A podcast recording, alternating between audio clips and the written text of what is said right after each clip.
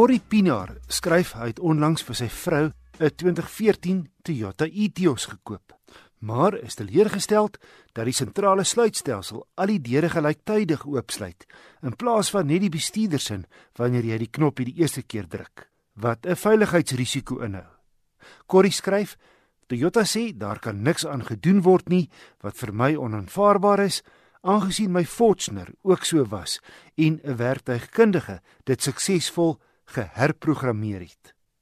Ek het Corrie se brief aan Rian Esterhuizen, Toyota Suid-Afrika se bestuurder produkkommunikasie voorgelê. Rian laat weet toe dat sy tegniese span bevestig het dat nie alle stelsels dieselfde werk nie en dat daar nie veranderings aan die Etios se sluitstelsel gemaak kan word nie. Ek het toe by Nicole Lou gaan kers opsteek. Hy skaarthuisskrif se tegniese redakteur. Ja, Wessel, ek het natuurlik nog nie in diepte kennis oor die elektroniese stelsel van die Etios nie, maar ek gaan so 'n bietjie oor die algemeen praat. By moderne motor sal ons almal weet jy kry 'n engine beheerstelsel wat verantwoordelik is om die engine te beheer, maar min mense weet dat jy ook 'n uh, elektroniese beheereenheid kry wat dan die funksies binne in die kajuit beheer. Daai beheerstelsel bevat dan ook die konfigurasie leer wat dan ook 'n paar van die spesifikasies van die voertuig bevat wat onder andere insluit goed soos het die voertuig ligreëling of nie? Wat is die bandgrootte wat die voertuig het? Het die voertuig byvoorbeeld elektriese vensters of nie? So dis 'n konfigurasie leer wat dan geprogrammeer word wanneer die voertuig gebou word. En dit sluit natuurlik jou sluitstelsel in. So gaan die die deure outomaties sluit as jy wegry ja of nee en as jy natuurlik die deure oopsluit gaan dit eers die passasier of dan al vier of in watter volgorde. So gewoonlik is daar opsies wat jy kan stel en natuurlik jou handelaar kan ook sy rekenaar inprop en van daai opsies verander want natuurlik nou daai opsies wissel van mark tot mark of land tot land waar die voertuig verkoop word.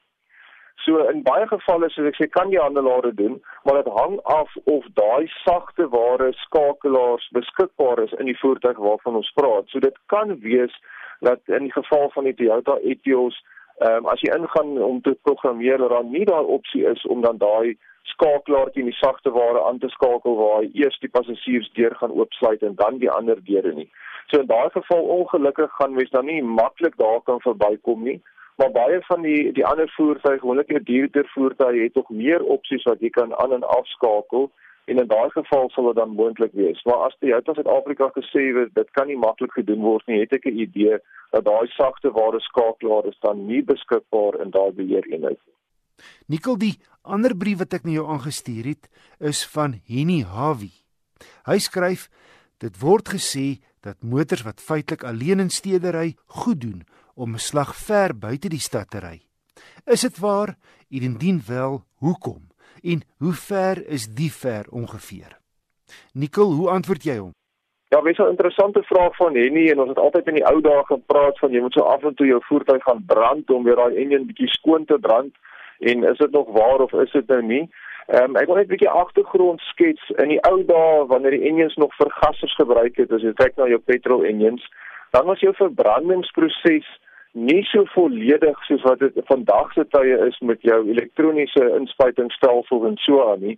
En wat dan gebeur is dan kan daar van hierdie koolstofpartikels begin aanpak op jou seiers en die binnekante van die silinders en op die kleppe en so aan. En dit gaan natuurlik jou verrigting nou baie negatief begin beïnvloed En die ergste wat kan gebeur is daar kan hierdie warm kolle vorm binne in die verbrandingsruimte wat dan selfs jou brandstof ligmengsel aan die brand kan steek voor die tyd daarvoor gereed is waar die vonkprop om aan die brand steek. So dis natuurlik glad nie 'n goeie ding nie. En dis hoekom in die ou dae mense altyd gesê dat jou kar baie gebruik in die dorp, onthou nou net in die dorp as jy heeltyd net um, stop en staart en vinnig in die voertuig ry en dan weer afskakel, dan raak jy in jy nooit op temperatuur ehm um, waar hy nou hierdie koolstof aanpaksels gaan wegbrand nie. Dat het altyd gesê gaan ry die kar bietjie op die op die snelweg en so aan. En vandag se tye met brandstofinspuiting is dit glad nie meer so relevant nie. Ehm um, omdat daai verbrandingsproses so goed is word daar baie minder van hierdie koolstof aanpaksels dan nou gevorm. Andien jy nou natuurlik 'n ouer voertuig of voertuig en een wat baie kilometers op het alselfs al het hy elektroniese inspuiting en al daardie tipe van goed en hy begin dan 'n bietjie olie brand, dan kan jy natuurlik verwag dat jy gaan weer eens hierdie koolstof aanpaksels kry. En wat ons vandag ook sien met direkte inspuiting engines is dat jy kry nou weer eens hierdie koolstof aanpaksels, maar jy kry dit nou op die inlaatpoort na die engine en ook agter op die inlaatklep. Maar ongelukkig om jou voertuig nou te gaan hard ry, uh, gaan nie daai aanpaksels verwyder nie. So as ons net praat oor die proses wat nou gevolg moet word indien jy nou 'n ouer voertuig het of jy dink dit gaan nodig wees om van hierdie koolstof aanpaksels te verwyder. Ehm um, dis regtig nie nodig om jou kar soos 'n renmotor te behandel om nou daai aanpaksels weg te kry nie. Jy hoef net op die snelweg te gaan ry teen die nasionale spoedgrens. Dit sal natuurlik help as daar so af en toe opdraande ook is en dit behoort oor goed genoeg te wees om die enjin se temperatuur en natuurlik ons praat so van so 325 grade op die metaal se oppervlakte binne die verbrandingsruimte om daai koolstof te begin wegbrand. En ek sou sê so tussen 10 en 20 km behoort oor goed genoeg te wees.